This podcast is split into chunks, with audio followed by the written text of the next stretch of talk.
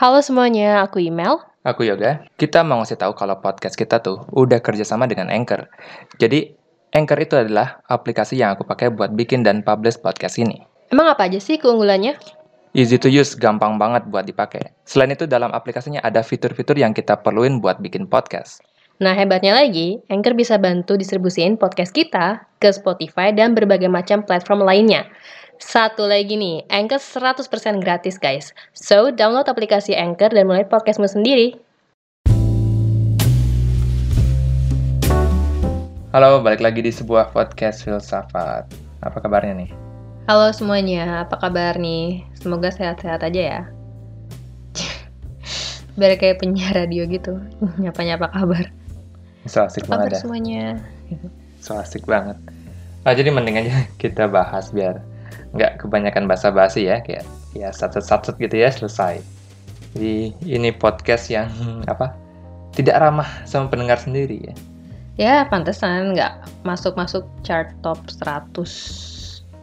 Tapi ya udahlah ya, emang udah dari dulu kan. Kayak gitu ya. Oke, kalau gitu kali ini kita bakal ngomongin apakah nih emang bener kalau filsafat itu model omongan doang dan sebenarnya nggak ada gunanya. Iya, benar gitu. Oh. Nggak ada gunanya.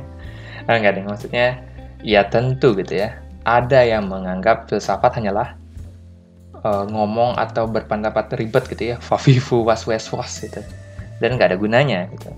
Nggak kayak sains gitu yang bisa di-apply di kehidupan sehari-hari. Ya apalagi kan orang-orang cenderung melihat para filsuf itu bisa debat berabad-abad tanpa ada konklusi. Pemikiran siapa yang benar, siapa yang salah, tuh aja. Kalau sains, yang udah pasti, pengetahuan selalu diperbaharui. Ada ide yang gagal, ada juga ide yang secara objektif ya benar gitu. Jadinya orang-orang agak skeptis gitu nggak sih tentang apa yang filsafat beri kepada manusia? Ya kesannya omdo lah, kayak kamu. Ngomong doang ya. Eh, nah, tapi gitu ya, bagiku ya memang ada perdebatan yang aku sendiri pun gitu ya ngelihat nih mana ujungnya sih gitu nggak selesai-selesai gitu. Tapi untuk bilang filsafat itu nggak ada gunanya, aku sama sekali nggak setuju ya. Terus emang gunanya filsafat buat kamu apa? Nah, aku setuju banget dengan pendapatnya Stephen West gitu ya dari eh, host dari podcast Philosophize This. Dia pernah bilang filsafat itu kayak bootcamp atau training camp di mana kamu dilatih untuk mendengar pendapat orang gitu ya, pendapat yang bertentangan dengan nilai yang kamu percaya gitu. Mempertanyakan hal-hal yang kamu percaya ataupun mengungkapkan pemikiranmu sendiri. Itu adalah tempat pelatihan yang mengerikan gitu, yang ya bayangin aja gitu, gimana hal-hal yang kita percaya dari kecil dipertanyakan satu persatu, terus dibangun ulang gitu fondasi-fondasi berpikir kita menjadi lebih baik lagi. Itu sih gunanya filsafat menurutku. Oh, jadi em, kayak wamil gitu, pelatihan militer, pikiran gitulah ya, semacamnya. Tapi fokusnya ke gimana caranya berpikir dan menggunakan pikiran ya atau otak kita ini. Ya semacam itulah dan ketika kamu udah keluar dari training camp itu seharusnya kamu telah menjadi manusia yang berbeda dalam berpikir dan melihat hal. Tapi selain filsafat sebagai camp pelatihan itu ya, itu training camp, ada juga nih yang mengatakan filsafat bisa sebagai cara hidup. Hmm, menarik sih. Terus filsafat sebagai cara hidup itu kayak gimana? Ya, nah inilah yang akan kita bahas di episode kali ini mengenai artikel yang ditulis oleh John Sellars yang berjudul What is a Philosophy as a Way of Life? Jadi apa filsafat sebagai eh, jalan hidup atau cara hidup gitu. John Sellers nih siapa by the way? Em, dia itu eh, dosen di Royal Holloway eh, University of London masih hidup kok maksudnya orang eh, bukan filsuf zaman dulu. ya, ya. jadi yang eh, bukan zaman dulu yang kita omongin tapi tapi gitu ya tapi artikel yang dia tulis menurutku menarik untuk kita perlu ketahui mengenal bagaimana konsep filsafat sebagai cara hidup dia memulai artikelnya dengan mengatakan bahwa memang ada gitu perkembangan dan ketertarikan orang-orang mengenai filsafat sebagai panduan dalam hidup ini Uh, sebagai guideline gitu ya Iya ya, kalau di Indonesia nih yang akhir-akhir ini jadi banyak ngomongin itu adalah stoicisme. stoicisme jadi populer di Indonesia tuh karena buku filosofi teras yang ditulis sama si Henry Manam Piring itu pada tahun 2019. Iya, apalagi kita kena pandemi kan di 2020. Ya nggak ada orang yang nyangka expect sama sekali hal hal ini bakal terjadi gitu. Ekspektasi kita hancur semua gitu. Semua rencana tahun itu gagal, banyak yang dipecat, banyak juga yang meninggal dunia. Tapi stoicisme mengingatkan kita bahwa banyak hal dalam hidup ini yang tidak dalam kontrol kita. Hari buruk akan selalu ada, yang hanya bisa kita kontrol adalah pikiran kita sendiri, reaksi kita, dan ekspektasi kita sendiri. Hal tersebut memberikan ketenangan bagi banyak orang pada saat itu ya. Berarti memang ada ketertarikan masyarakat ya terhadap filsafat yang bisa kita bilang praktikal lah. Gitu. Yang dampaknya bisa kita rasakan juga. Dan kalau dipikir-pikir lagi gitu ya, Emang kayak gitu orang ngelihat filsafat pada zaman dahulu. Pada masanya Socrates gitu, Plato, Aristoteles, ya Stoicisme gitu ya, Epicureanisme dan kawan-kawannya itu ya. Orang-orang pada zaman Yunani kuno gitu memandang filsafat sebagai cara hidup ya. Atau juga bisa kita sebut sebagai apa? Art of living, seni berkehidupan lah. Terus kalau dibandingin sama zaman now nih, filsafat itu cuma buat filsuf yang saling debat pakai istilah yang wah yang kita nggak ya, ngerti deh. gitu yang was was was kayak terjawan terja terejawantakan bahkan aku nggak bisa ngomong kayak terejawantakan keniscayaan ya yang gitulah yang bikin orang-orang pada umumnya bingung gitu kurang awam ya Iya kayak aku lah ini ya filsuf-filsuf yang kayak hidup di menara gading aja Nah, maka dari itu, mulai banyak yang ingin mengembalikan filsafat sesuai tradisi Yunani kuno gitu ya, yakni sebagai a way of life gitu ya. Dan frasa filosofi as a way of life itu dipopulerkan oleh filsuf asal Prancis yang bernama Pierre Hadot gitu ya. Di buku dengan judul yang sama, apa Philosophy of Philosophy as a way of life juga gitu ya. Pierre Hadot gitu ya mengatakan bahwa zaman dahulu filsafat merupakan cara untuk hidup di dunia ini yang mana harus dipraktekkan setiap hari yang bertujuan untuk merubah secara keseluruhan kehidupan suatu individu. Seperti yang kita tahu filosofi yang berarti apa? A love of wisdom gitu kan. Cinta akan kebijaksanaan. Dan menurut Hado gitu ya, bijaksana bukan hanya berarti tahu, tetapi membuat kita menjadi gitu, be gitu ya. Oh, jadi uh, maksudnya itu adalah bijaksana itu seharusnya bukan cuma tahu akan banyak hal aja gitu, tapi kita juga menjalani kehidupan dari filosofi yang kita percaya itu. Ya kayak stoicisme lah ya. Kamu bisa ngafalin inti-inti ajaran dari stoicisme, kamu tahu nih mengenai stoicisme. Ya, tapi apakah kamu sudah mengimplementasikannya di kehidupanmu? Udah kamu jalanin? Jadi tahu dan menjadi bijaksana adalah dua hal yang sangat berbeda, guys. Iya, dia juga bilang kalau filsuf zaman dahulu ya, menggunakan filsafat sebagai sesuatu pengobatan gitu atau dia bilang terapeutik gitu ya terapeutik uh, sesuatu yang bertujuan untuk mengatasi gangguan mental dan membuat seseorang mencapai tranquility gitu ya, atau ketenangan Pierre Hadot juga menambahkan bahwa bukan cuma filsuf zaman dahulu yang kayak gitu ada juga nih post antiquity ya filsuf-filsuf yang masih memegang tradisi filsafat sebagai apa pengobatan atau terapi ini gitu ya. seperti Descartes gitu ya Spinoza, Schopenhauer, uh, Nietzsche juga misalnya dan bukan merupakan hal kebetulan kata dia tokoh-tokoh ini yang tadi aku sebutin tuh nggak punya posisi di universitas gitu ya. Oke, berarti kita perlu perjelas lagi nih apa yang dimaksud dengan filsafat sebagai cara hidup. Apakah filsafat yang mampu merubah hidup orang?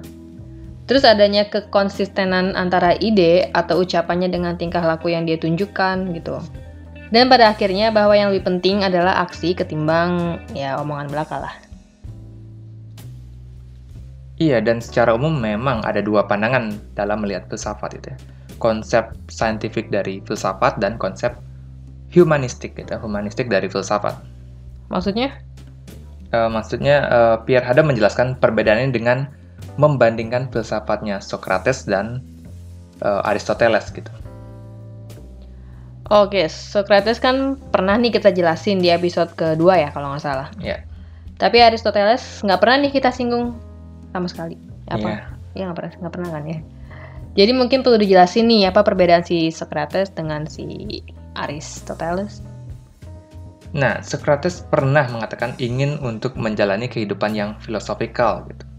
Dan dia memiliki misi berfilsafat yakni to examine gitu ya atau mempertanyakan orang-orang di sekitar dia dan dirinya sendiri. Dan seperti yang kita tahu Socrates uh, quotes-nya yang paling terkenal yakni the unexamined life is not worth living gitu ya. Hidup yang tidak dipertanyakan tidak pantas untuk di dijalani. Dia berkata seperti itu karena dia menginginkan kehidupan yang baik dan itulah tujuan dia berfilsafat. Oh, jadi kayak dengan mempertanyakan banyak hal dan mengetahui banyak pengetahuan, si Socrates ini berharap dia bisa mengetahui apa itu kehidupan yang baik. Dan bukan cuma mengetahui, tetapi memang menjalani kehidupan yang baik gitu.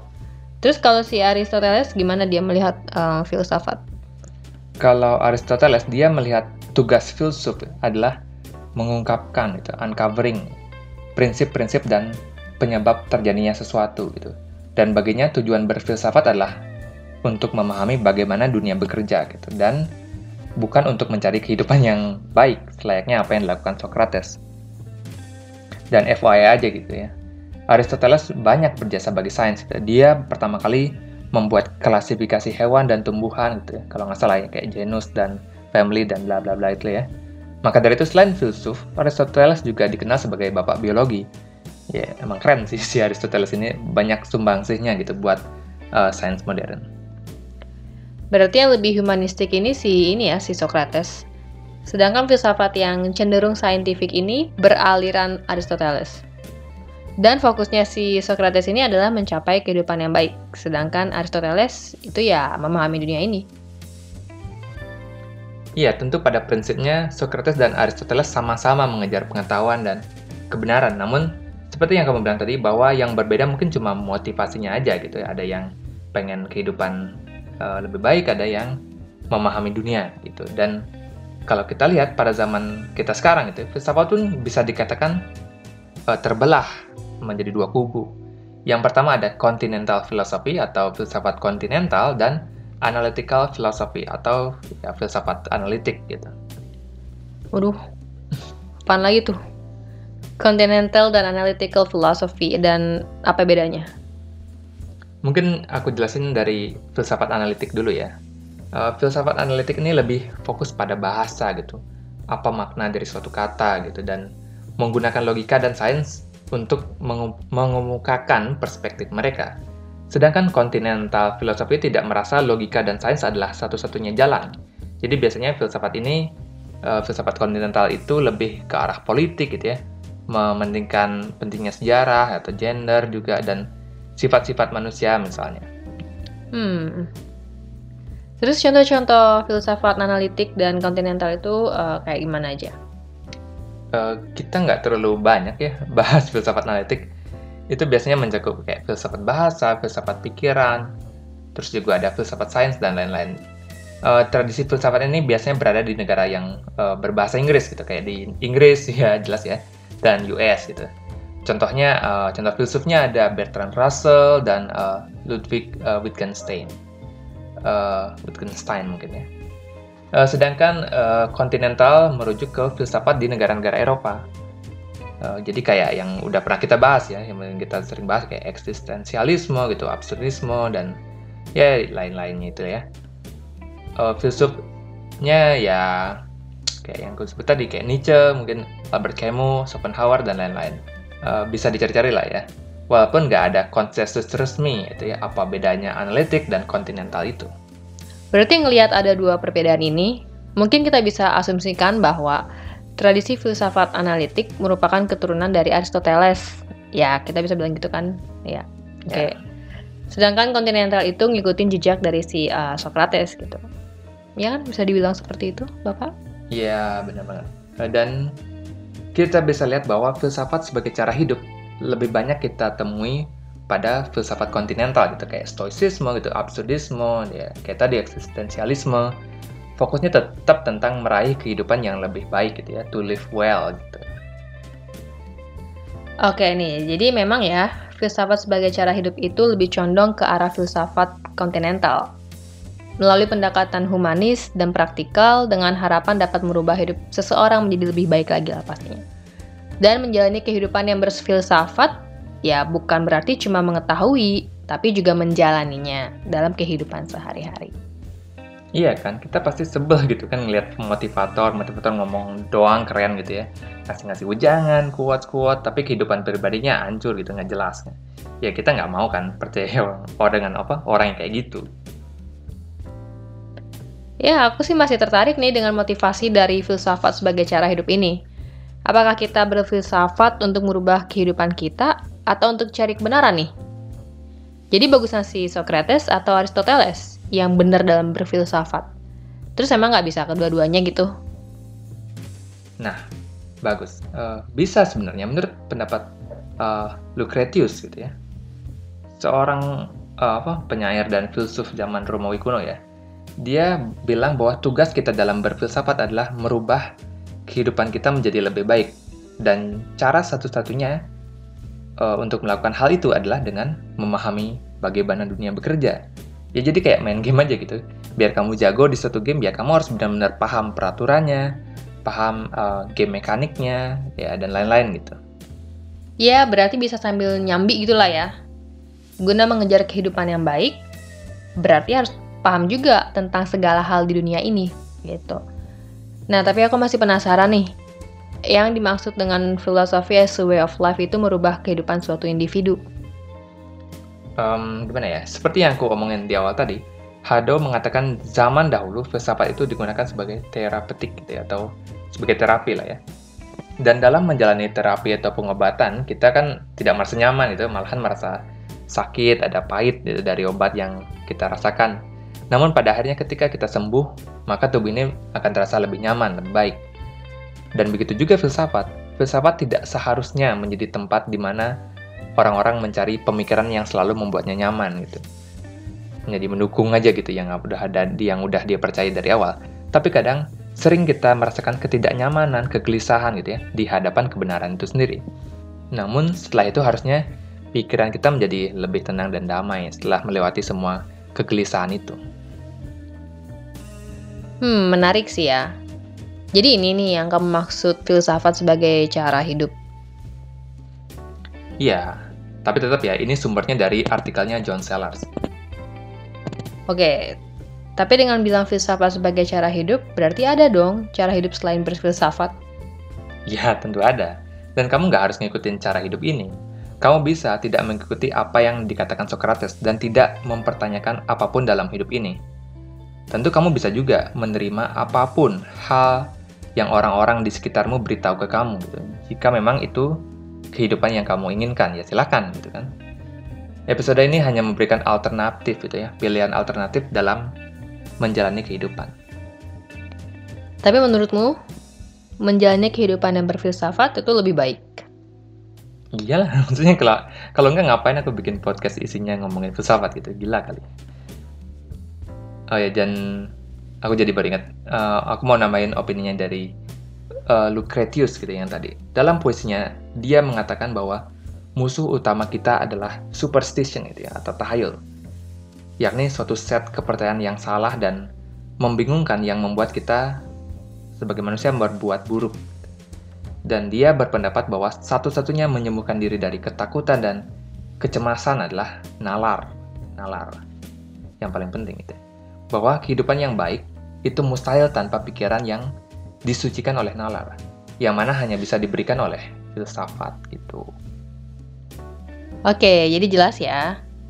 Itu mungkin bisa dibilang alasan kita juga ya kenapa mulai podcast ini sih. Kita pengen orang-orang bisa mengakses filsafat itu lebih mudah dan lebih mudah dipahami juga untuk yang sama sekali belum pernah nyentuh filsafat. Kayak aku lah. ya, karena aku bodoh juga ya. Jadi kadang perlu effort yang ekstra untuk pelajarin suatu ide atau pemikiran filsuf. Maka dari itu aku ingin ngejelasin filsafat sesimpel mungkin dan aku perlu kayak media gitu ya buat ngetes apakah aku udah benar-benar ngerti suatu topik sampai aku bisa jelasin dengan lebih sederhana gitu. Oke, kalau gitu udah kali ya? Ya, udahlah. Semoga uh, semoga podcastnya selalu menghibur dan bermanfaat ya. Ku email. Ku juga. Bye. Bye.